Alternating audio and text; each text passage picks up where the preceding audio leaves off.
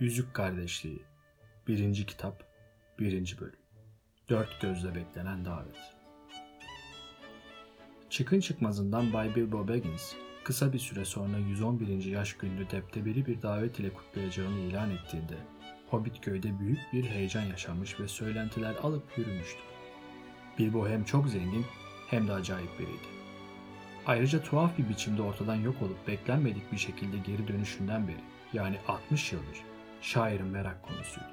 Yolculuklarından alıp getirdiği servet yöresel bir efsane haline almıştı bile. Yaşlılar ne derse desin, hemen hemen herkes çıkın çıkmazındaki tepenin ağzına kadar define dolu tünellerle örülü olduğuna gerçekten inanıyordu.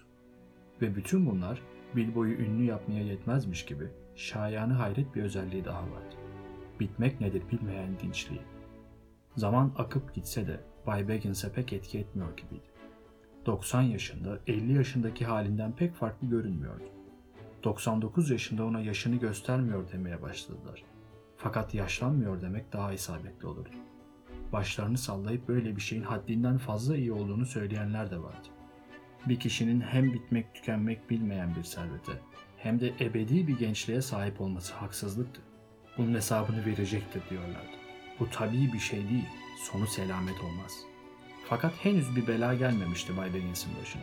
Ve Bay Baggins paradan yana eli açık biri olduğu için hobbitlerin çoğu onun garipliklerini ve talihli olmasını hoş görmeye hazırdı. Akrabalarıyla ilişkisini karşılıklı ziyaretler seviyesinde tutmuştu. Ayrıca yoksul ve önemsiz hobbit aileleri arasında da bir sürü sadık hayranı vardı. Ama genç kuzenlerinden bazıları yetişinceye kadar hiç yakın arkadaşı olmamıştı. Bu kuzenlerin en büyüğü ve Bilbo'nun en gözde kuzeni genç Frodo Baggins'ti. Bilbo 99 yaşına geldiğinde Frodo'yu evlat edinip onu varisi yapmış ve bundan sonra yaşamını sürdürmesi için çıkın çıkmazına getirmişti. Böylelikle sonunda torba köylü Baggins'ler bozguna uğramış oluyorlardı. Bilbo ile Frodo'nun yaş günü aynı güne denk geliyordu. Eylül'ün 22'sine. Frodo, en iyisi sen de gel burada yaşa evlat demişti Bilbo bir gün. O vakit yaş günlerimizi rahatlıkla birlikte kutlayabiliriz. O zamanlar Frodo daha ara yıllarındaydı.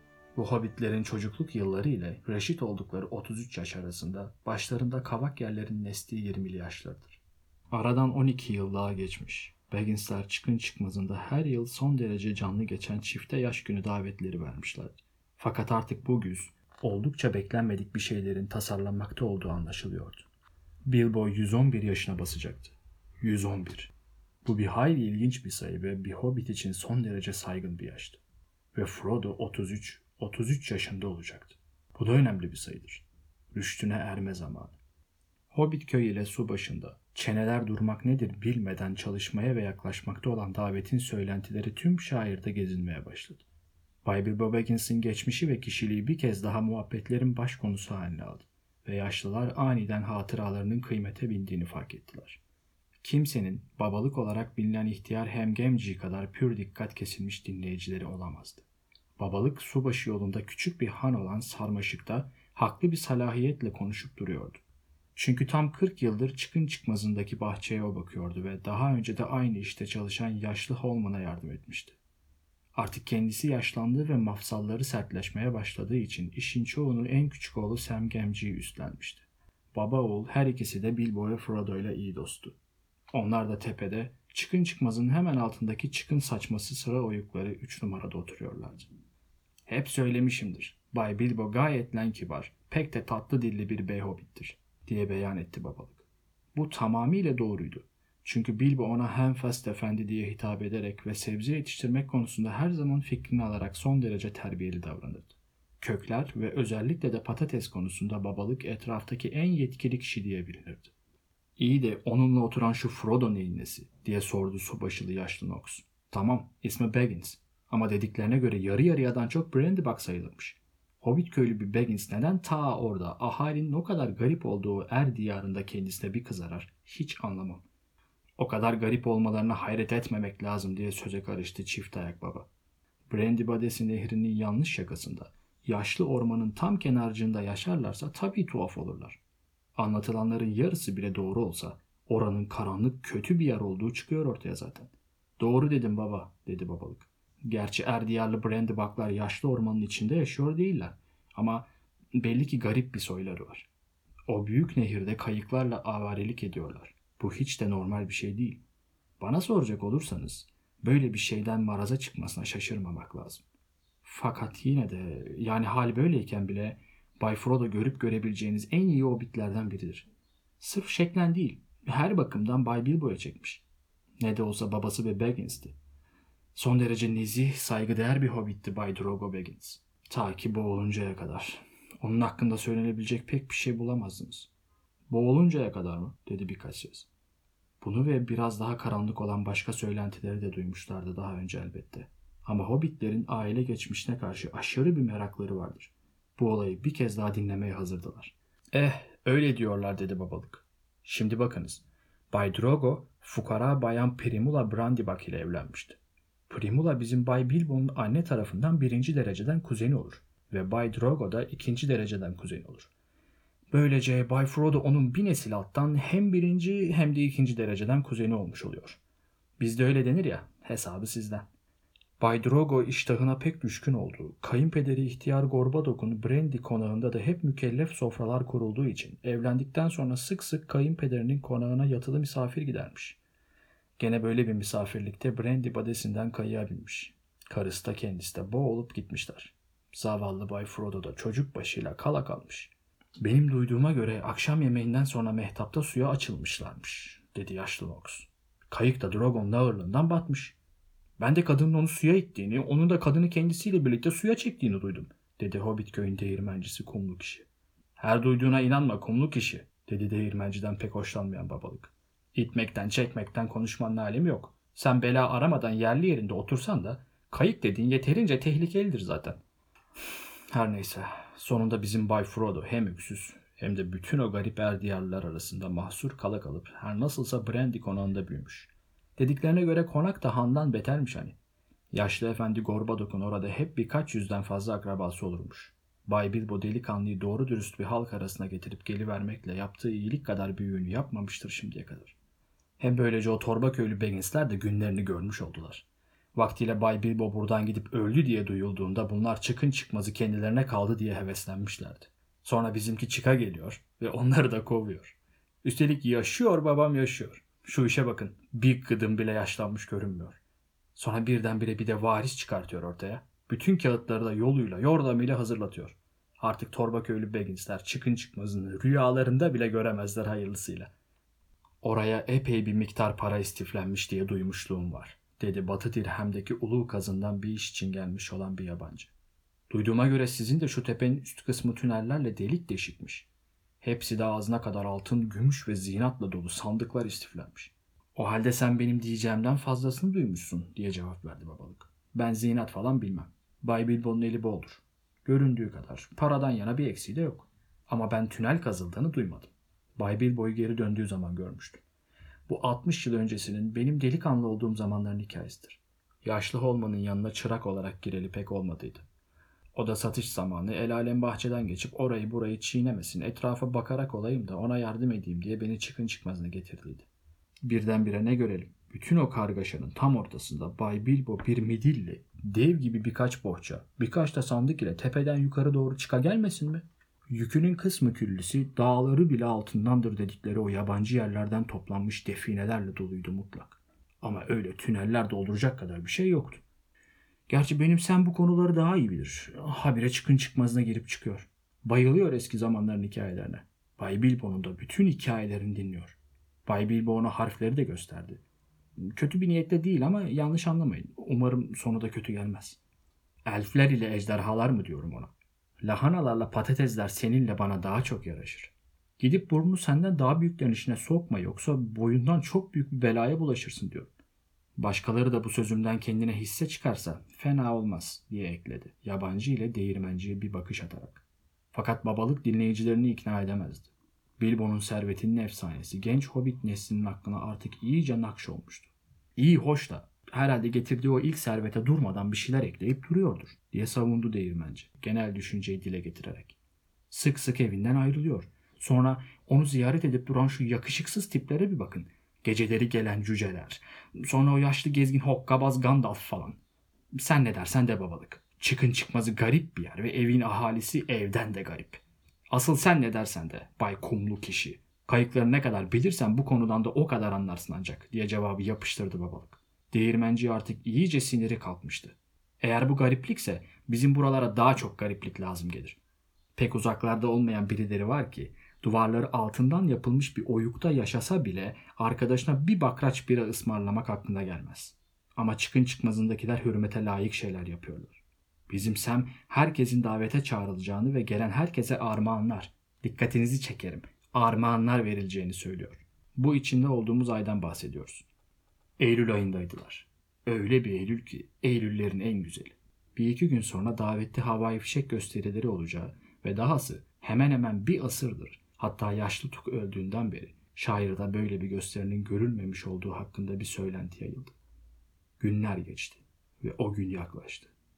Bir akşam acayip denklerle dolu, acayip görünüşlü bir yük arabası Hobbitköy'e girip çıkın çıkmazındaki tepeyi zahmetle tırmanmaya başladı. Bu işe şaşıran hobbitler ağızları bir karış açık, lambaların aydınlattığı kapılarından at arabasını seyre koyuldular. Arabada garip şarkılar söyleyen dışarılıklı kişiler vardı. Uzun sakallı, uzun kukuletalı cüceler. Bunlardan birkaçı çıkın çıkmasında kaldı.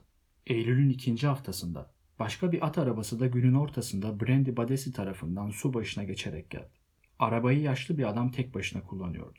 Uzun gri bir cübbe giymiş, sivri uçlu yüksek mavi bir şapka ve gümüş rengi bir boyun atkısı takmıştı. Uzun beyaz bir sakalı ve şapkasının kenarından taşan orman gibi kaşları vardı. Küçük hobbit çocuklar bütün hobbit köy boyunca ta tepenin üstüne kadar at arabasının ardından koştular. Tahmin ettikleri gibi arabanın yükü havai fişeklerdi. Yaşlı adam Bilbo'nun ön kapısında yüklerini boşaltmaya başladı. Her biri iri kırmızı bir G harfi ve elf ile işaretlenmiş çeşit çeşit boy boy havai fişek vardı arabada. İşaret Gandalf'ın işaretiydi elbette ki. Yaşlı adamda şairde ünü daha çok ateş, duman ve ışık konusundaki becerilerinden kaynaklanan büyücü Gandalf'tan başkası değildi. Asıl işi çok daha zor ve tehlikeliydi ama şair halkı bu konuda hiçbir şey bilmiyordu. Onlar için Gandalf davetteki eğlence kaynaklarından biriydi. Hobbit çocukların heyecanı da bundandı zaten. En büyük G diye bağırıştılar. Yaşlı adam gülümsedi. Gandalf Hobbit köyde ancak arada bir görüldüğü ve hiçbir zaman uzun süreli kalmadığı halde çocukların bir göze aşinalığı vardı. Fakat ne onlar ne de en yaşlıların haricindeki yetişkinler onun havai fişek gösterisini görmüşlerdi. Bu gösteriler artık efsaneleşmiş bir geçmişe aitti. Yaşlı adam Bilbo ve cücelerin bazılarının da yardımıyla yükünü indirmeyi bitirince Bilbo etrafa birkaç kuruş dağıttı. Seyredenler epey hayal kırıklığına uğramışlardı. Ne bir maytap ne de bir fişek çıkmıştı ortaya. Dağılın bakayım hemen dedi Gandalf. Zamanı gelince istediğiniz kadar göreceksiniz. Sonra Bilbo ile birlikte içeriye girip gözden kayboldu. Kapı da arkalarından kapandı. Küçük hobbitler bir süre boşu boşuna kapıya bakıp durdular. Sonra davet günü bir gelse de diye sabırsızlanarak sıvıştılar. Çıkın çıkmazının içinde Bilbo ile Gandalf küçük bir odanın batıya, bahçeye bakan açık penceresinin kenarına oturmuşlardı. Akşamüstünün ilerleyen saatleri parlak ve huzur doluydu. Çiçekler kırmızı kırmızı ve altın rengi parlıyorlardı. Aslan ağızları, güne bakanlar, toprak duvarların üzerine yayılmış yuvarlak pencerelerden içeri burunlarını uzatan latin çiçekleri. Bahçen ne kadar parlak görünüyor dedi Gandalf. Öyle dedi Bilbo. Gerçekten de bahçeme çok düşkünümdür. Bahçeme ve aziz emektar şairin tümüne. Yine de bir tatile ihtiyacım olduğunu düşünüyorum. Tasarılarında kararlı mısın yani? Kararlıyım. Kararımı aylar önce verdim ve hiç değiştirmedim. Çok iyi. Başka bir şey söylemeye hacet yok. Tasarladığın şeylere, tasarladığın her şeye ama hatırlatmak gibi olmasın. Sadık kal. Her şeyin hem senin hem de hepimiz için en iyisi olmasını dilerim. Umarım. Ama ne olursa olsun perşembe günü iyi vakit geçirmeyi planlıyorum. Eğlenip küçük şakamı yapmayı. Acaba gülen kim olacak? dedi Gandalf başını sallayarak. Göreceğiz, dedi Bilbo. Ertesi gün başka arabalar da tırmandı tepeyi. Ardından başka arabalar. Yerli esnaf bu işe homurdanmaya başlayabilirdi. Ama hemen o hafta Hobbitköy, Subaşı ve civardan tedarik edilebilecek her türlü erzak, eşya ve lüks şeyler için çıkın çıkmazından siparişler sel gibi akmaya başladı. Herkesin hevesi arttı. Takvimdeki günleri işaretlemeye, sabırsızlıkla postacıyı gözleyip davetiye beklemeye koyuldular. Çok geçmeden davetiyeler de yağmaya başladı ve Hobbitköy postanesi kilitlendi. Subaşı postanesi boğuldu. Gönüllü yardımcı postacılar işe çağrıldı. Tepe yukarı, teşekkür ederim, mutlaka geleceğim mesajının birbirinden kibar yüzlerce çeşitlemesini taşıyan, durmayan bir postacı akışı oluştu. Çıkın çıkmazının bahçe kapısına bir ilan asıldı. Davetle ilgisi olmayanlar giremez. Aslında davetle ilgisi olan ya da ilgisi varmış gibi yapanlar bile içeri nadiren anlıyorlardı. Bilbo çok meşguldü.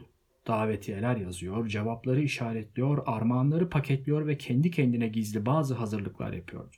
Gandalf'ın oraya gelişinden beri gözlerden uzak durmaya başlamıştı. Hobbitler bir sabah uyandıklarında Bilbo'nun ön kapısının güneyindeki büyük çayırın çadırlar için kullanılan ipler ve direklerle dolu olduğunu gördüler. Yola doğru inen eğime özel bir giriş bölümü kesilip açılmış, buraya geniş basamaklar ve büyük beyaz bir kapı yapılmıştı. Çayırın yanında bulunan çıkın saçması sıra kovuklarındaki üç aile dört göz kesilmişti. Hobbitlerin çoğu da onlara gıptayla bakıyordu.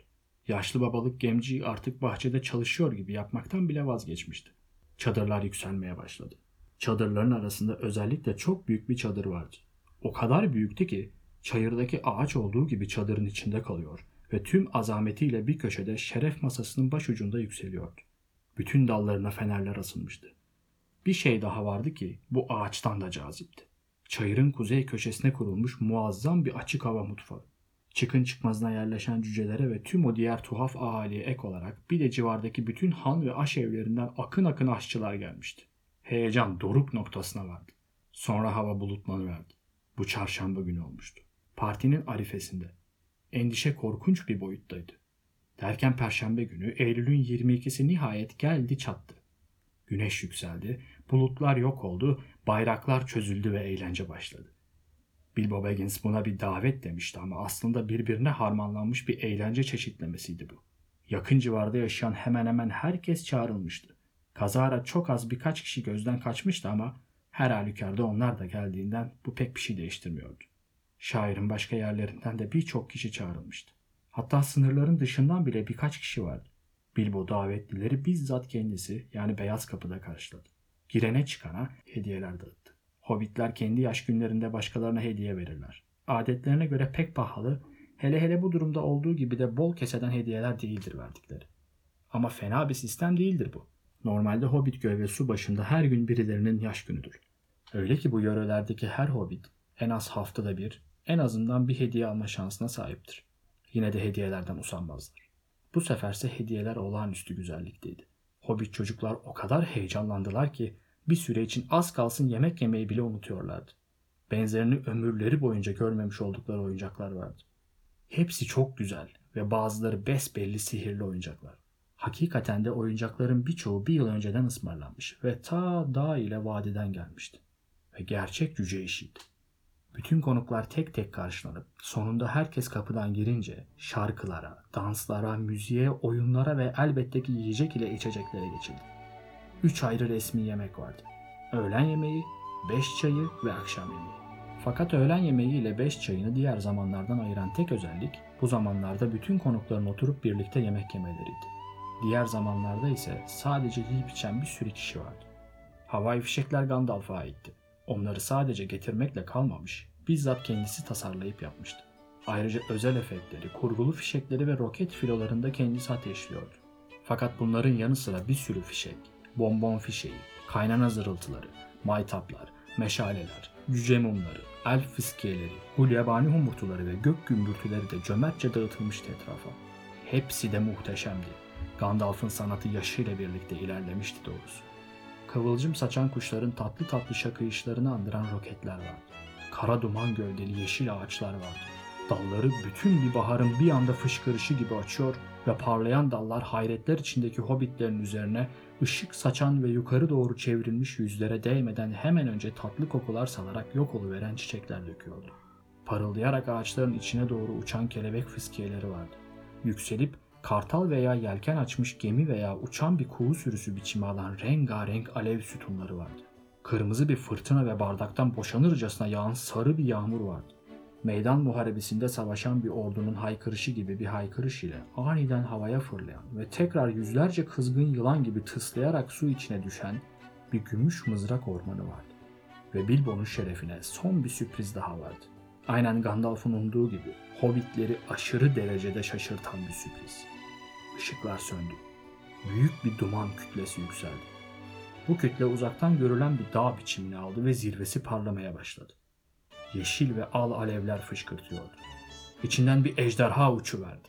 Gerçek boyutta değil ama korkunç derecede gerçeğe benzeyen bir ejderha. Ağzından alevler yükseliyor, gözlerinde şimşekler çakıyordu. Bir kükreme duyuldu ve ejderha tam üç kez şimşek gibi kalabalığın üzerinden geçti. Herkes başını eğdi, birçoğu da yüzü koyun yere kapandı. Ejderha ekspres bir tren gibi gelip geçti. Bir takla attı ve kulakları sağır eden bir patlamayla subaşı üzerinde infilak etti. Bu akşam yemeği için bir işaret dedi Bilbo. O sancı ile korkulu hava aniden yok oldu ve yüzü koyun yatmakta olan hobbitler ayağa fırladılar. Herkese yetecek mükellef bir sofra vardı. Yani özel aile yemeğine çağrılmamış herkese. Bu özel davet içinde ağaç bulunan o büyük çadırda veriliyordu. Davetli sayısı 12 düzine ile sınırlandırılmıştı. Davetliler akraba olmayan birkaç özel dosta ilaveten Bilbo ve Frodo ile akrabalı olan aileler arasından seçilmişti. Konukların arasında ebeveynlerin izniyle orada bulunan birçok genç hobbit de vardı. Çünkü hobbitler geç yatma konusunda çocuklarına müsamahalı davranırlar. Özellikle de ucunda bedava bir yemek imkanı varsa. Genç hobbitleri büyütmek için gerçekten de bol yemek gereklidir. Bagginslerle Boffinler, bir sürü de Took ile Brandybuck, birkaç grup, birkaç çup ve barınaklardan, toluklardan, bel kuşaklardan, porsuk evlerden, iyi kişilerden, boynuz üfleyenlerden ve ayağı kibirlilerden özenle seçilip davet edilmiş bir grup vardı. Bunların bazıları Bilbo'nun sadece uzak akrabalarıydı ve bazıları şairin uzak köşelerinde oturuyor olduklarından Hobbit köy'e daha önce hemen hemen hiç gelmemişlerdi. Torba köylü Baggins'ler de unutulmamıştı. Otto ile karısı Lobelia da davetliydi. Bilbo'dan hoşlanmaz, Frodo'yu hiç sevmezlerdi ama davetiye hem yaldızlı kalemle yazılmıştı hem de o kadar şaşalıydı ki bu davetiyenin geri çevrilemeyeceğini düşünmüşlerdi. Ayrıca kuzenleri Bilbo geçen yıllar içinde yemek konusunda da son derece ustalaşmış ve sofrası da etrafa ün salmıştı doğrusu. 144 davetlinin hepsi her ne kadar ev sahibinin yemek sonrası nutkundan korkuyorlarsa da hoş bir davet beklentisi içindeydi. Nutkuna şiir dediği şeylerden parçalar katma eğilimi vardı Bilbo'nun. Bazen de bir iki kadehten sonra esrarengiz gezisinin saçma sapan maceralarından bahsetmeye başlardı. Davetliler hayal kırıklığına uğramadılar. Son derece hoş bir ziyafet hatta çok dolu bir eğlenceydi. Zengin, bereketli, çeşitli ve uzun süreli bir eğlence. Daveti takip eden haftalarda bütün civardaki erzak alım satımı hemen hemen durdu. Fakat etraftaki dükkanların, kilerlerin ve depoların çoğunun stoğunu Bilbo'nun yemek servisi tüketmiş olduğu için buna önem veren olmadı. Ziyafetten sonra nutuk başladı. Mamafi misafirlerin çoğu artık o latif aşamadaydı. Yani köşeleri doldurma adını taktıkları hoşgörülü bir havaya girmişlerdi. En sevdikleri içkilerini yudumluyor, en sevdikleri yemeklerden çöpleniyorlardı. Korkularını unutmuşlardı. Her şeyi dinlemeye ve her nokta işaretinde tezahürat etmeye hazırdılar. Sevgili millet diye başladı Bilbo bulunduğu yerde ayağa kalkarak. Bilbo yerini terk etti. Gidip ışıklandırılmış ağacın altındaki bir sandalyenin üzerine çıktı. Lambaların ışığı Bilbo'nun gülümseyen yüzüne düşüyordu. İşlemeli ipek yeleğindeki altın düğmeler parlamaktaydı. Bir eli havada, diğerini pantolonunun cebine sokmuş, ayakta herkesin görebileceği bir yerdeydi. Aziz Baggins'ler ve Boffin'ler diye yeniden başladı. Ve aziz Tuklar, Brandybuck'lar, gruplar, çuplar, barınaklar, boynuz üfleyenler, toluklar, bel kuşaklar, iyi kişiler, porsuk evler ve ayağı kibirliler. Ayağı kibirliler diye bağırdı yaşlıca bir hobbit çadırın arkasından. Adı elbette ki ayağı kibirliydi ve tam adının hobbitiydi. Ayakları hem büyük hem de fevkalade tüylüydü ve her ikisi birden masanın üzerinde duruyordu. Ayağı kibirliler diye tekrarladı Bilbo. Aynı zamanda nihayet çıkın çıkmazına tekrar hoş geldiniz diyebildiğim iyi yürekli torba köylü Baggins'lerim. Bugün benim 111. doğum günüm. Bugün 111 yaşındayım. Yaşasın, yaşasın, daha nice yıllara diye bağırıp masaları neşe içinde yumrukladılar. Bilbo harika gidiyordu doğrusu.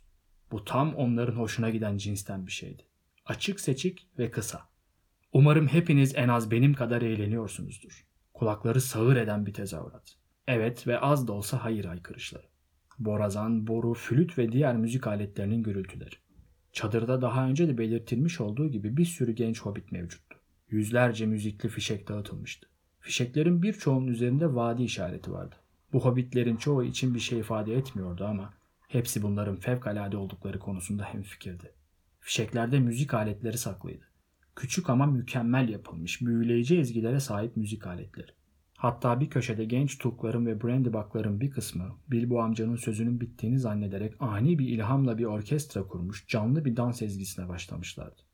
Efendi Everett ile Bayan Melliot Brandybuck ellerinde zillerle bir masanın üzerine çıkarak coşku halkasını oynamaya koyuldular. Güzel ama ziyadesiyle de hareketli bir danstı bu. Fakat Bilbo sözünü tamamlamamıştı. Yakınındaki bir küçüğün elinden borusunu kaparak üç kere baykuş gibi öttürdü. Gürültü yatıştı. Sizi çok tutmayacağım diye haykırdı. Bütün meclisten bir alkıştır koptu. Sizleri belli bir amaç için bir araya topladım. Bunu söyleyiş tarzındaki bir şey oradakiler üzerinde bir etki yaratmıştı. Hemen hemen tam bir sessizlik hakim oldu etrafa. Bir iki Tuk da kulaklarını diktiler. Aslında üç ayrı amaç nedeniyle. Her şeyden önce hepinizden ne kadar çok hoşlandığımı, 111 yılın böylesine mükemmel ve şayanı takdir hobbitler arasında yaşamak için çok kısa bir süre olduğunu söylemek için. İçinizden en az yarısını arzuladığımın yarısı kadar bile tanımıyorum. Ve yarınızdan azını hak ettiğinizin ancak yarısı kadar sevebiliyorum. Bu pek beklenmeyen ve biraz da anlaması zor bir şeydi. Orada burada birkaç alkış sesi oldu ama çoğunluk ne dendiğini ve bunun bir kompliman olup olmadığını çıkartmaya çalışıyordu. İkinci amacım yaş günümü kutlamaktı. Aslında yaş günümüzü demeliyim. Çünkü elbette bugün varisin ve yeğenin Frodo'nun da yaş günü. Bugün rüştüne ve veraset hakkına erişiyor. Yaşlılar tarafından birkaç ilgisiz alkış. Torba köylü Bagginsler ise kaşlarını çatarak veraset hakkına erişiyor ile neyin kastedildiğini düşünmeye koyulmuştu. İkimiz birlikte 144 sayısına ulaşıyoruz. Sizin sayınız da bu harikulade toplama uysun diye ayarlandı. Affınıza sığınarak bir grosa. Hiç tezahürat yok. Bu maskaralıktı. Konukların birçoğu özellikle de torba köylü Bagginsler belli ki aynı bir paketteki mallar gibi gerekli olan sayıyı tamamlamak için çağrıldıklarını düşünerek alınmışlardı. Bir grosa ha terbiyesizce bir tabir.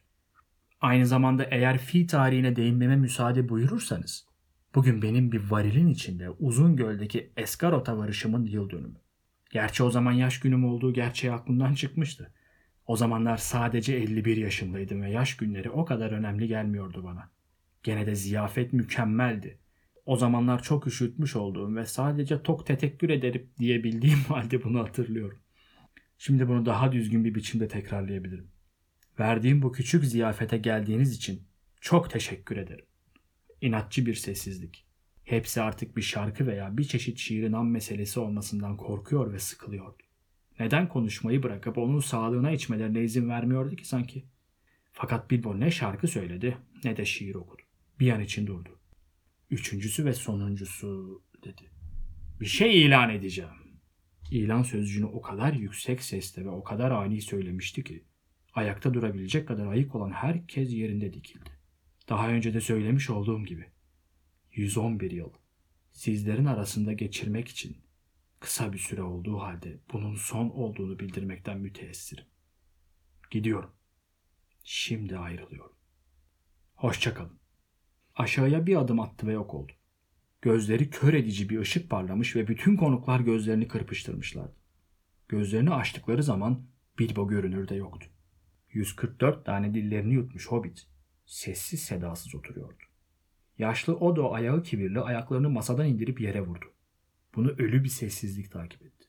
Derken birdenbire birkaç derin iç çekişten sonra bütün Baggins'ler, Boffin'ler, Tuklar, Brandybuck'lar, gruplar, çuplar, barınaklar, toluklar, bel kuşaklar, porsuk evler, iyi kişiler, boynuz üfleyenler ve ayağı kibirliler hep bir ağızdan konuşmaya başladı. Genelde herkes şakanın kötü bir zevk ürünü olduğu ve konukları girdikleri şoktan kurtarabilmek için daha çok içecek ve yiyecek gerektiği konusunda hemfikir olmuştu. Deli. Hep söylemişimdir. Sözü belki de en çok tekrarlanan yorumdu. Tuklar bile Bilbo'nun davranışının saçma sapan olduğunu düşünüyordu. O anda birçoğu Bilbo'nun yok oluşunu maskaralık türünden bir gösteri olarak kabul etmişti. Fakat yaşlı Rory Brandybuck o kadar emin değildi. Ne ilerleyen yaşı ne de muazzam bir akşam yemeği onun aklını gölgelemeye yetmemişti. Gelini Esmeralda'ya bu işin içinde bir bit yeniği var şekerim. Korkarım bu kaçık Baggins gene iş başında. Aptal ihtiyar. Ama bize ne? Kayıntıyı götürmedi ya sen ona bak dedi ve şarabı bir kere daha dolaştırması için Frodo'ya seslendi. Tek bir söz bile söyleyemeyen tek kişi Frodo olmuştu. Bir süre için Bilbo'nun boş sandalyesi yanında sessiz sedasız oturup bütün sözleri ve soruları duymamazlığa geldi. Elbette ki önceden bildiği halde bu şakaya pek eğlenmemişti.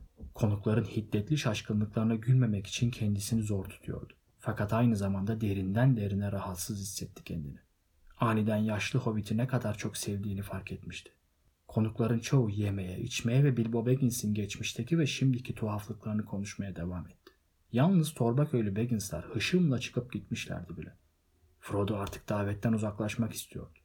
Yeniden şarap getirilmesini emretti. Sonra ayağa kalkıp sessizce kendi kadehini Bilbo'nun sağlığına dikti ve çadırdan süzülüp ayrıldı. Bilbo Baggins'e gelince o daha konuşmasını yaparken cebindeki altın yüzüğü ellemeye başlamıştı bile. Bunca yıldır bir sır olarak sakladığı sihirli yüzüğü. Aşağı inerken yüzüğü parmağına geçiriverdi ve bir daha Hobbit köyde hiçbir Hobbit tarafından görülmedi. Bilbo neşeli bir şekilde oyuna geri döndü. Bir an durup yüzünde bir tebessümle büyük çadırdaki gürültüyü, patırtıyı ve çayırın diğer yerlerinden gelen keyif seslerini dinledi. Sonra içeri girdi. Davet giysilerini çıkardı, katladı. İşlemeli ipek yeleğini ince bir kağıda sararak kaldırdı. Sonra aceleyle eski ve üstünden dökülen bir esvabı giyerek belini yıpranmış deri bir kemerle sıktı. Kemerine eski püskü siyah deri kınında duran kısa bir kılıç astı. Naftalin kokulu kilitli bir çekmeceden eski bir pelerin ve kukuleta çıkardı. Bunlar sanki çok değerli şeylermiş gibi kilitli tutulmuşlardı. Ama o kadar yamalıydılar ve o kadar sandık lekesi olmuşlardı ki gerçek renklerini tahmin etmek bile zordu. Belki koyu yeşil olabilirlerdi. Bu giysiler Bilbo'ya göre epey büyüktü. Çalışma odasına geçti. Büyük bir kasadan eski kumaş parçalarına sarılmış bir çıkın ve deriyle bağlı bir el yazması aldı. Bunlara ilaveten de büyük, kabarık bir zarf. Kitap ile çıkını orada duran ve hemen hemen ağzına kadar dolmuş olan ağır bir torbanın üstüne tıktı. Zarfın içine yüzüğüyle yüzüğün ince zincirini koydu ve zarfı kapatıp üzerine Frodo'nun ismini yazdı. Zarfı önce şömine rafının üzerine bıraktı. Fakat sonra aniden geri aldı ve cebine soktu.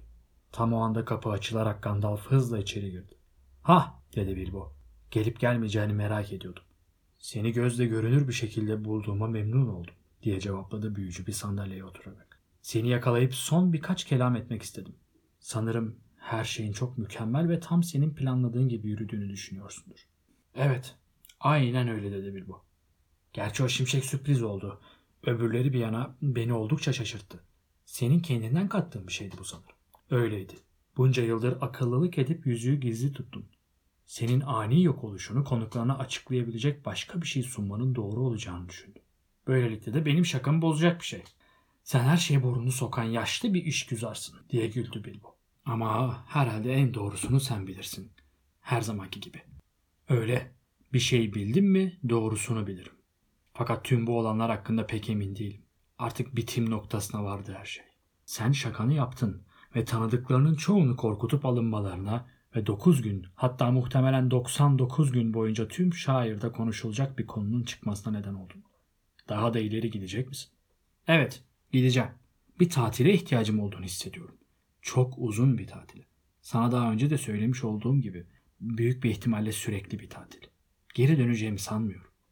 Daha doğrusu dönmeye niyetim yok. Bütün işlerimi ayarladım. Yaşlandım Gandalf. Göstermiyorum ama bunu gönlümün ta derinliklerinde hissediyorum. Yaşını göstermezmiş diye homurdandı. Yahu kendimi incelmiş hissediyorum. Bir yerde gerilmiş gibi. Bilmem anlıyor musun? Aynen büyük bir parça ekmeğe sürülmüş az bir miktarda tereyağı gibi. Böyle bir şey doğru olamaz. Bir değişikliğe veya ne bileyim bir şeylere ihtiyacım var. Gandalf merakla ve ilgiyle baktı ona. Evet, bu pek doğru görünmüyor, dedi düşünceli düşünceli. Evet, her şey bir yana. Sanırım senin yaptığın plan gene de en iyisi. Eh, zaten her halükarda ben kararımı verdim. Dağları tekrar görmek istiyorum Gandalf. Dağları. Sonra da huzura ereceğim bir yer bulmak. Huzur dolu, sessiz bir yer. Akrabaların beni gözetlemedikleri, ortalığı birbirine katan ziyaretçilerin kapı ziline asılmadığı bir yer. Kitabımı bitirebileceğim bir yer bulabilirim. Kitabım için güzel bir son tasarladım. Ve ömrünün sonuna kadar mutluluk içinde yaşadı. Gandalf güldü. Umarım öyle olur. Fakat her nasıl biterse bitsin kimse o kitabı okumayacak. Yok efendim, okuyabilirler. Önümüzdeki yıllarda. Frodo birazını okudu bile. Yazdığım yere kadar. Frodo'ya göz kulak olacaksın değil mi? Evet, olacağım. Mümkün olduğunca tüm gözlerim ve kulaklarımla. Eğer istesem benimle gelirdi elbette ki. Hatta bir kere bunu teklif etti bile tam davetten önce. Ama bunu tam anlamıyla istemiyor henüz. Ölmeden önce bir kere daha o vahşi toprakları ve dağları görmek istiyorum. Ama o hala koruları, çayırları ve minik dereleriyle şair aşık. Burada rahat edecektir. Her şeyi ona bırakıyorum elbette. Bir iki ufak tefek şey hariç. Umarım mutlu olmayı başarır. Tek başına olmaya alıştıktan sonra artık kendi kendisinin efendisi olma zamanı da gelmişti. Her şey mi? dedi Gandalf. Yüzüğü de mi? Bunu kabul etmiştin. Hatırladın mı? Ee, şey, e, tabii. Galiba öyle. diye kekeledi Bilbo. Nerede? Çok merak ediyorsan bir zarfın içinde, dedi Bilbo sabırsızca. Orada. Şu, şömine rafının üstünde. Ee, şey yok değil. Burada. Cebimde. Tereddüt ettim. Bak şimdi. Tuhaf değil mi? dedi yavaşça kendisine. Ama neden olmasın? Neden orada kalmasın?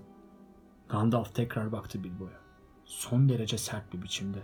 Gözlerinde bir ışıltı vardı. Ben olsaydım Bilbo, dedi sakin sakin. Onu geride bırakırdım. Sen de bunu istemiyor musun? Şey, e, evet ve hayır. Şimdi iş buraya varınca ondan ayrılmaktan hiç hoşlanmıyorum diyebilirim. Zaten neden ayrılmam gerektiğini de anlayamıyorum. Neden böyle yapmamı istiyorsun? diye sordu. Sesine garip bir değişiklik gelmişti. Kuşku ve tedirginlikle keskinleşmiş bir sesti bu. Yüzüğün konusunda beni sıkıştırıp duruyorsun. Halbuki yolculuğumda edindiğim diğer şeyler konusunda beni hiç rahatsız etmedin. Hayır ama seni bu konuda sıkıştırmam gerekiyordu, dedi Gandalf. Gerçeği öğrenmek istiyordum. Bu önemliydi. Sihirli yüzükler kısaca sihirlidir. Nadir ve ilgi uyandırıcıdır. Yüzüğünle mesleki açıdan ilgileniyordum diyebiliriz. Hala da ilgileniyorum. Eğer yine ortalıkta dolaşmaya başlayacaksan onun nerede olduğunu bilmek isterim. Aynı zamanda senin o yüzüğe yeterince fazla uzun zamandır sahip olduğunu düşünüyorum. Eğer bütün bütün yanılmıyorsam artık ona ihtiyacın olmayacak Bilbo. Bilbo kıpkırmızı kesildi. Gözlerinde kızgın ışıklar belirdi. Şefkat yüklü yüzü sertleşti. Nedenmiş? diye haykırdı. Sonra sana ne bundan? Kendime ait şeylerle ne yapmışım ne yapmamışım seni ne ilgilendiriyor? O bana ait. Onu ben buldum. Bana geldi o. Evet, evet dedi Gandalf. Ama sinirlenecek bir şey yok bunda. Eğer sinirliysen bu senin suçun. Bak sana söylüyorum. O benim, bana ait. Benim kıymetlim o. Evet, benim kıymetlim. Büyücünün yüzü ciddiyetini ve dikkatini korudu.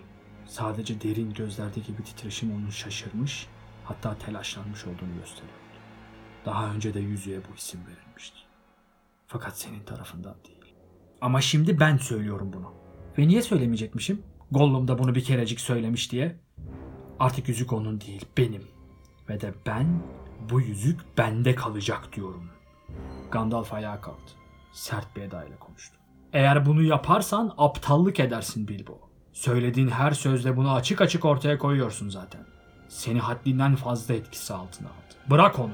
O zaman kendin de serbest kalırsın. Özgür olursun. İstediğimi yapar, dilediğim yere giderim, dedi Bilbo dik kafalılıkla. Bak şimdi, bak şimdi benim aziz hobbitim, dedi Gandalf. Bütün o uzun ömrüm boyunca arkadaş olduk seninle. Ve senin bana bir borcun var. Hadi, söz verdiğin gibi. Vazgeç ondan. Ala, eğer yüzüğü kendin için istiyorsan çekinme söyle, diye bağırdı. Ama onu elde edemeyeceksin. Kıymetlimi kimselere vermem. Söyleyeyim sana. Eli küçük kılıcının kabzasına doğru sevildi. Gandalf'ın gözlerinde şimşekler çaktı.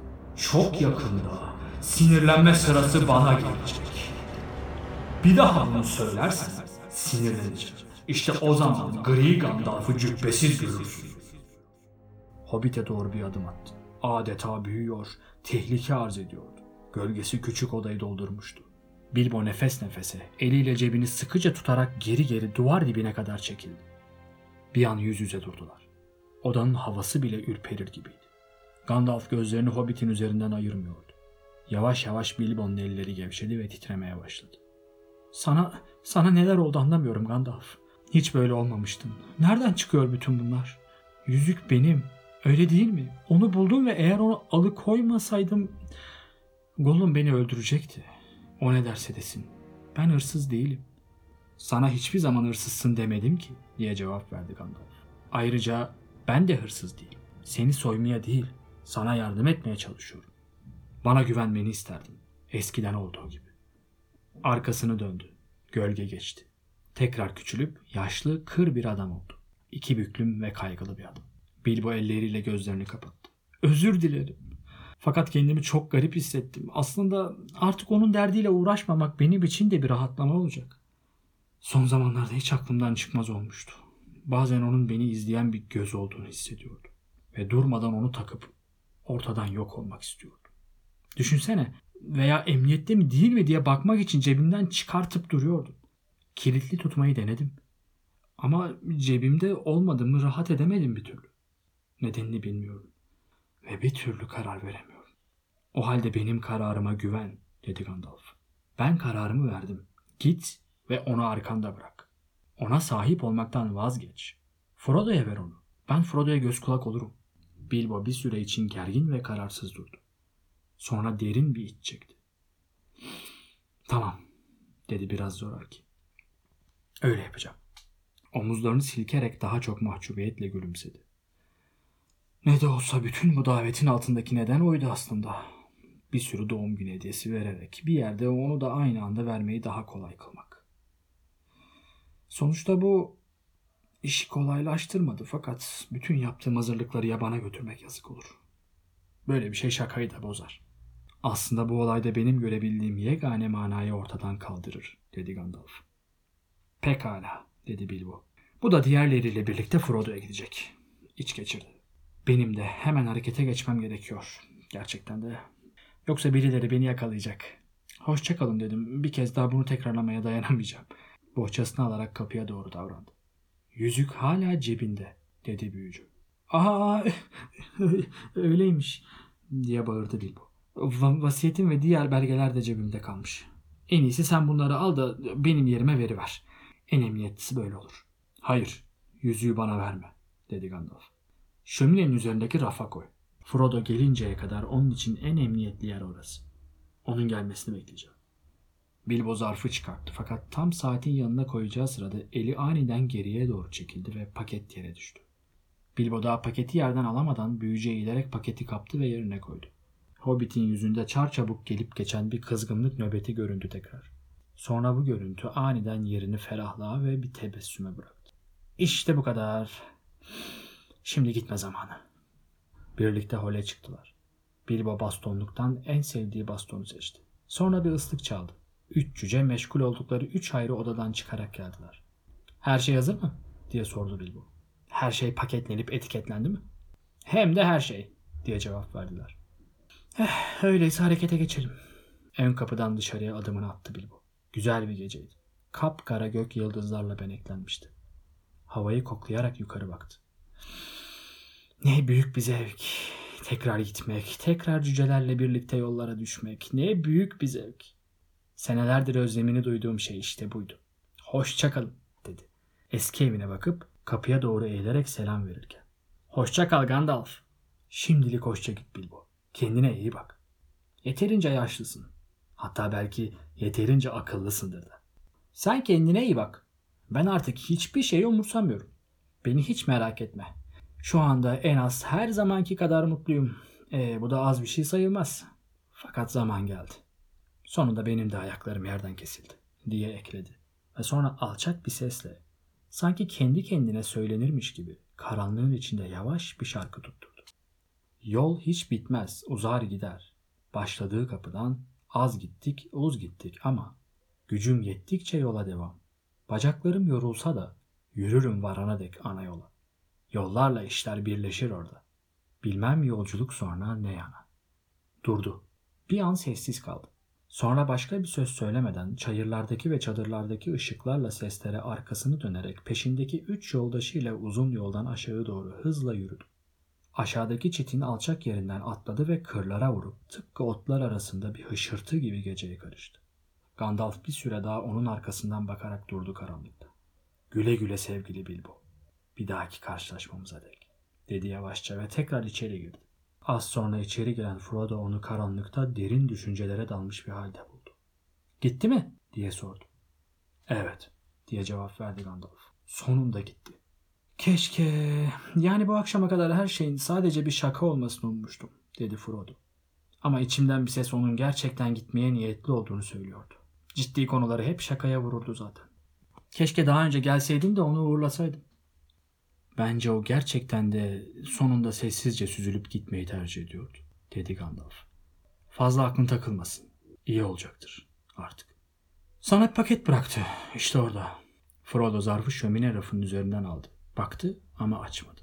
Zarfın içinde vasiyetnamesiyle diğer belgeleri bulacaksın sanırım, dedi büyücü. Artık çıkın çıkmazının efendisi sensin. Sonra zannedersen bir de altın yüzük bulacaksın. Yüzük? diye haykırdı Frodo. Onu bana mı bıraktı? Neden acaba? Yine de işime yarayabilir. Belki yarar, belki de yaramaz, dedi Gandalf. Yerinde olsam onu kullanmaya kalkmazdım. Bunu bir sır olarak gizler, saklardım. Artık yatıyorum. Çıkın çıkmazın efendisi olarak Frodo bütün konuklara güle güle demeyi kendisine sıkıcı bir görev bildi. Daha şimdiden garip olaylar hakkında söylentiler çayıra yayılmıştı bile. Ama Frodo sadece eminim yarın sabah her şey açığa kavuşacaktır diyordu. Gece yarısına doğru önemli konuklar için arabalar geldi. Tıka basa doymuş ama hiç mi hiç tatmin olmamış hobbitleri yüklenip teker teker gözden kayboldular. Daha önceden ayarlanmış olduğu gibi bahçıvanlar gelip istemeden geri kalmış olanları da el arabalarıyla götürdüler. Gece yavaş yavaş geçti gitti. Güneş uyandı. Hobbitler de epeyce gecikerek onu takip ettiler. Sabah ilerledi. Görevliler gelip çadırları, masaları, sandalyeleri, kaşıkları, bıçakları, şişeleri, tabakları, fenerleri, saksı çiçeklerini, ekmek kırıntılarını, maytap kağıtlarını, unutulmuş çantaları, eldivenleri, mendilleri, yenmemiş yemekleri ki bunlar çok az yer tutuyordu, toplamaya başladılar. Daha sonra başkaları da geldi. Bagginsler ile Boffinler, Toluklar, Tuklar ve yakınlarda oturan ya da yakınlarda kalan diğer davetliler. Gün öğleni bulup davette en çok doymuş olanlar bile dışarı çıkacak kadar kendini topladığında çıkın çıkmazında büyük bir kalabalık oluşmuştu. Davetsiz ama beklenen bir kalabalık. Frodo yüzünde bir tebessümle ama oldukça yorgun ve endişeli bir halde basamakta beklemekteydi. Her ziyaretçiyi karşılıyordu ama daha önce söylemiş olduğundan başka söyleyebileceği bir şey yoktu. Bütün sorgu ve suale verdiği cevap sadece şuydu. Bay Bilbo Baggins buradan gitti. Beni bildiğim kadarıyla. Bütün bütün gitti.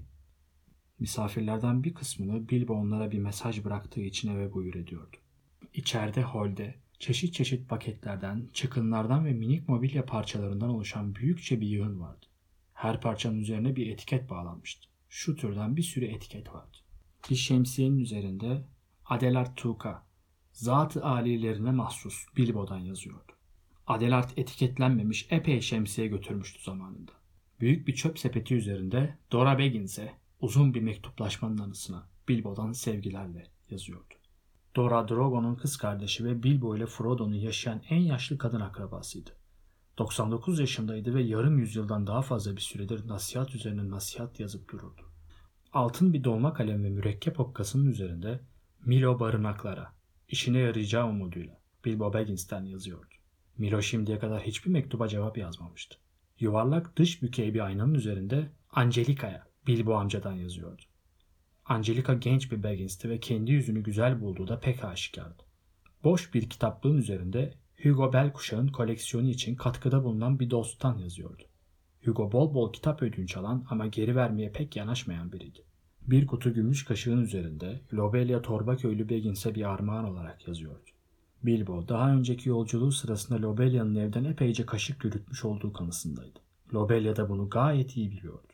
Günün ilerleyen vakitlerinde eve geldiğinde atılan taşı hemen fark etti ama kaşıkları da almadan gitmedi. Bu holdeki armağanlardan sadece küçük bir seçkiydi. Bilbo'nun meskeni uzun yaşamının seyrine ait eşyalarla oldukça ıkış tıkış bir hal almıştı. Hobbit oyuklarının ıkış tıkış olma eğilimleri vardı zaten. Bu daha ziyade bu kadar çok yaş günü hediyesi verilmesinden kaynaklanıyordu. Gerçi elbette ki hediyeler her zaman yeni olmazdı. Yörede elden ele geçen, ne işe yaradığı unutulmuş bir iki eski belek bile vardı. Fakat Bilbo genellikle yeni armağanlar vermiş ve kendisine verilmiş olanları da saklamıştı. Eski oyuk böylece biraz temizlenmiş oluyor. Birbirinden değişik, çeşit çeşit hediyenin her birinin üzerinde bizzat Bilbo tarafından yazılmış bir etiket vardı. Ve bunların epeycesi bir ima veya bir espri içeriyordu. Ama elbette ki verilen şeylerin çoğu da gittikleri yerde pek makbule geçecek armağanlardan oluşmaktaydı. Varlıklı sayılmayacak hobbitler özellikle de çıkın saçması sıra kovuklarında oturanlar için durum gayet iyiydi. Yaşlı babalık gemciye iki çuval patates, yeni bir bahçıvan beli, yünlü bir yelek ve gıcırdayan eklemleri için bir şişe şifalı yağ kalmıştı. Yaşlı Rory Brandy bakıysa misafirperverliğine mukabil bir düzine eski bağlar şişesi bekliyordu. Eski bağlar Güney Dirhem'de üretilen sert kırmızı şarabın adıdır. Bu şişeler de zamanında Bilbo'nun babası tarafından yatırılmış olduğundan artık iyice yıllanmıştı. Rory Bilbo'yu derhal affetti ve ilk şişeden sonra onun harika bir herif olduğunu ilan etti. Frodo'ya dünya kadar şey arta kalıyordu. Ve elbette ki kitaplar, resimler ve gereğinden fazla mobilyanın yanı sıra en önemli hazineler de ona kalmıştı. Ancak paradan veya mücevherlerden ne bir haber vardı ne de bir işaret. Kimse ne bir metelik ne de bir cam boncuk ihsan edilmişti. Frodo o akşamüstü zor saatler geçirdi. Tüm ev eşyasının bedava olarak dağıtılacağı konusunda yanlış bir söylenti orman yangını gibi yayılmış ve oradan pek bir zaman geçmeden de her yer bir işi olmadığı halde oradan uzaklaştırılamayan hobbitlerle dolmuştu. Etiketler kopartılarak birbirine karıştırılmış, tartışmalar çıkmıştı. Bazıları holde pazarlığa oturup değiş tokuş yapmaya kalkışırken bazıları da kendilerine bırakılmamış armağanları veya gereksiz ya da bekçisiz gördükleri herhangi bir şeyi ele geçirip gitmeye çalışıyordu. Bahçe kapısına giden yol el arabalarıyla tıkanmıştı. Tüm bu kargaşanın tam ortasında torba köylü Baggins'ler çıka geldiler. Frodo bir süre için odasına çekilerek eşyalara göz kulak olması için arkadaşı Mary Brandybuck'ı bırakmıştı. Otto yüksek sesle Frodo'yu görmek istediğini söyleyince Mary kibarca eğilerek selam verdi. Kendisi rahatsız dedi. Dinleniyor. Saklanıyor desene şuna dedi Lobelia. Her neyse biz onu görmek istiyoruz ve göreceğiz. Sen git ona böylece söyle. Mary onları uzun bir süre holde yalnız bıraktı. Onlar da bu arada ayrılık hediyeleri olan kaşıkları keşfetme olanağı buldular. Bu onları sinirini daha da ayaklandırdı. Nihayet çalışma odasına buyur edildiler. Frodo üstü kağıtla dolu bir masanın başında oturuyordu. Rahatsız görünüyordu. En azından torba köylü Baggins'leri gördüğü için öyleydi. Ayağa kalkarken cebindeki bir şeyle oynamaktaydı. Gene de onları kibarlıkla karşıladı. Torba köylü Baggins'ler gayet kabaydılar. İşe bazı kıymetli ve etiketsiz şeyler için kötü fiyatlar vererek başladılar. Frodo sadece Bilbo'nun özellikle belirttiği şeylerin verilmekte olduğunu söyleyince de bu işte zaten bir terslik var diye verdiler hemen.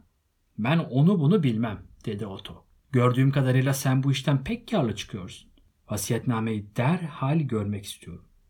Frodo evlat edinilmiş olmasa Bilbo'nun mirası Otto'ya kalacaktı. Vasiyetnameyi dikkatle okuduktan sonra homurdandı. Ne yazık ki vasiyetname son derece net ve tamamen geçerliydi. Yine mağlup olduk dedi karısına. Hem de 60 yıl bekledikten sonra. Kaşık ha boş versene. Parmaklarını Frodo'nun burnunun dibinde şıklatıp paldır küldür çıktı gitti. Fakat Lobelia'dan o kadar kolay kurtulunmuyordu. Kısa bir süre sonra Frodo işlerin ne alemde olduğunu görmek için çalışma odasından çıkınca Lobelia'yı hala ortalarda dolanır, dip bucak her yeri kurcalayıp zemini yoklar durumda buldu. Onu kibar ama gayet kesin bir şekilde kapının dışına çıkarırken her nasılsa Lobelia'nın şemsiyesinin içine düşmüş olan birkaç minik nesneyi geri almayı da ihmal etmedi. Lobelia'nın yüzü Frodo'yu ezip geçecek bir son söz bulma telaşıyla oynayıp duruyordu. Ama basamakta dönüp söyleyebildiği tek şey şu oldu. Bunların hayrını görmeyeceksin delikanlı. Neden sen de gitmedin? Sen buraya ait değilsin. Baggins falan değilsin sen. Sen, sen Brandybucks'ın. Duydun mu Mary? Bu bir hakaretti bana kalırsa, dedi Frodo kapıyı kadının yüzüne kapatırken. İltifattı, dedi Mary Brandybuck. Ve bu yüzden de tabii ki yanlıştı. Sonra oyu şöyle bir dolaşarak üç genç hobbiti tam kilerden birinin duvarına delikler açmak üzereyken kapı dışarı ettiler. Frodo ayrıca içinde bir yankı duyar gibi olduğu büyük kilerde kazıya başlayan genç Sancho ayağı kibirliyle de güreşmek zorunda kaldı. Bilbo'nun altınlarının efsanesi hem merak hem de umut konusuydu. Çünkü herkesin bildiği gibi efsanelerde geçen altınlar kim bulursa onun olur. Tabii eğer ararken yakalanmazsanız. Frodo Sancho'nun hakkından gelip onu da dışarı attıktan sonra holde bir sandalyeye çöktü. Dükkanı kapatma vakti Mary. Kapıyı kilitle ve bugün başka kimseye açma. Hatta şahmerdan getirseler bile açma. Sonra da kendine gelmek için geç de olsa bir çay içmeye gitti. Tam oturmuştu ki ön kapının hafif hafif çalındığı duyuldu. Yine Lobelia'dır mutlaka diye düşündü. Aklına gerçekten de kötü bir şeyler gelmiş olmalı ki onu söylemek için geri döndü. Söyleyeceğine ise bekleyebilir. Çayını içmeye devam etti. Kapı çok daha gürültülü bir şekilde tekrar çalındı. Fakat yine umursamadı. Sonra birdenbire büyücünün kafası pencerede belirdi. Eğer beni içeri almazsan Frodo, kapını öyle bir patlatacağım ki kapı ta oyuğun öbür tarafından dağı delip çıkacak. Sevgili Gandalf, bir saniye diye bağırdı Frodo odadan çıkıp kapıya doğru koşarken. Gir içeri gir. Ben de Lobelya zannetmiştim. O halde seni affediyorum. Fakat onu epey bir vakit önce taze sütü bile kesecek bir suratla su başına doğru midilli arabasını sürerken gördüm. Beni neredeyse kas katı kestiydi zaten. Gerçekten de az kaldı Bilbo'nun yüzüğünü parmağıma geçiri verecektim. Ortadan yok olmayı çok arzu ettim. Sakın ha dedi Gandalf otururken. O yüzüğe cidden dikkat et Frodo. Aslında biraz daha bu konuda son bir söz söylemek için geldim. Peki neymiş? Bu konuda neler biliyorsun? Sadece Bilbo'nun bana anlattıklarını. Bütün hikayesini dinlemiştim. Onu nasıl bulduğunu, nasıl kullandığını, yolculuğu sırasında yani. Acaba hangi hikaye? dedi Gandalf. Ha, cücelere anlatıp kitabını yazdığı hikaye değil, dedi Frodo. Ben burada yaşamaya geldikten kısa bir süre sonra bana gerçek hikayeyi anlattı. Senin gerçek hikayeyi anlatıncaya kadar onu sıkıştırmış olduğunu, o yüzden iyisi mi benim de bilmem gerektiğini söyledi. Aramızda gizli saklı yok Frodo. Ama anlattıklarım burada kalacak. Ne derlerse desinler. Bu yüzük benim dedi. Bu ilginç dedi Gandalf. Peki sen bütün bunlar hakkında ne düşündün? Eğer armağan meselesini uydurmasını falan kastediyorsan bence gerçek hikaye çok daha mantıklı. Niye başka türlü anlattığını bile anlayamadım. Bilbo normalde böyle şeyler yapmaz aslında. Bu bana çok tuhaf gelmişti zaten. Bana da. Fakat öyle bir hazineye sahip olanlara bu tür tuhaflıklar olur hep. Eğer bu hazineyi kullanırlarsa. Bu da sana çok dikkatli olman konusunda bir uyarı olmuş olsun. Dilediğin zaman seni görünmez yapmaktan başka güçleri de olabilir yüzüğün. Anlamıyorum dedi Frodo. Ben de diye cevap verdi büyücü. Yüzükten daha yeni yeni şüphelenmeye başladım. Özellikle de dün geceden beri. Sen dert etme. Ama benim sözümü dinlersen onu çok nadiren kullan. Hatta hiç kullanma derim. En azından bir söylentiye neden olacak veya merak uyandıracak bir şekilde kullanma. Ne olursun. Tekrar söylüyorum. Onu iyi muhafaza et ve bir sır olarak sakla. Çok esrarengizsin. Neden korkuyorsun? Tam olarak bilmiyorum. O yüzden daha fazla konuşmayacağım. Geri döndüğüm zaman belki bir şeyler söyleyebilirim. Hemen yola koyuluyorum. Yani şimdilik hoşça kal. Ayağa kalktı. Hemen mi? diye bağırdı Frodo. Ama ben en, en az bir hafta kalırsın sanıyordum. Bana yardım etmeyin dört gözle bekliyordum. Niyetim öyleydi. Fakat kararımı değiştirmek zorunda kaldım. Uzunca bir süre uzaklarda kalabilirim. Fakat mümkün olan en kısa zamanda gelip seni göreceğim. Beni görmeden geldiğime inanma. Sessizce süzülüp gelirim. Artık şairi pek öyle alenen ziyaret etmem. Görüyorum ki biraz gözden düşmüşüm. Baş belası, huzur kaçıran bir adam olduğumu söylüyorlar. Bazıları beni Bilbo'yu kaçırmakla hatta daha kötü şeylerle bile suçluyor. Merak ediyorsan söyleyeyim. Onun servetine konabilmek için seninle ikimizin bir entrika çevirdiğimizi düşünüyorlar. Bazıları mı? dedi hiddetle Frodo. Otto ve Lobelya demek istiyorsun. Ne nefret verici bir şey. Bilbo'nun geri gelmesi ve yine benimle birlikte kırlarda yürüyüşe çıkması için onlara çıkın çıkmazıyla birlikte her şeyimi verirdim. Şairi seviyorum. Fakat her nasılsa onunla gitmiş olmayı diler oldum. Merak ediyorum. Bir daha onu hiç görebilecek miyim acaba? Ben de, dedi Gandalf. Ve daha neleri merak ediyorum neleri. Şimdilik hoşça kal. Kendine iyi bak. Beni bekle. Özellikle ummadığın zamanlarda. Hoşça kal. Frodo onu kapıya kadar geçirdi. Elini son bir kez salladıktan sonra şaşılacak bir hızla yürüyüp gitti Gandalf. Fakat Frodo yaşlı büyücünün sanki ağır bir yük taşıyormuş gibi aşırı derecede iki büklüm olduğunu düşündü. Akşam eriyordu ve cübbeli şekil çabucak alacakaranlık içinde kayboldu. Frodo uzun bir süre için onu bir daha görmeyecek.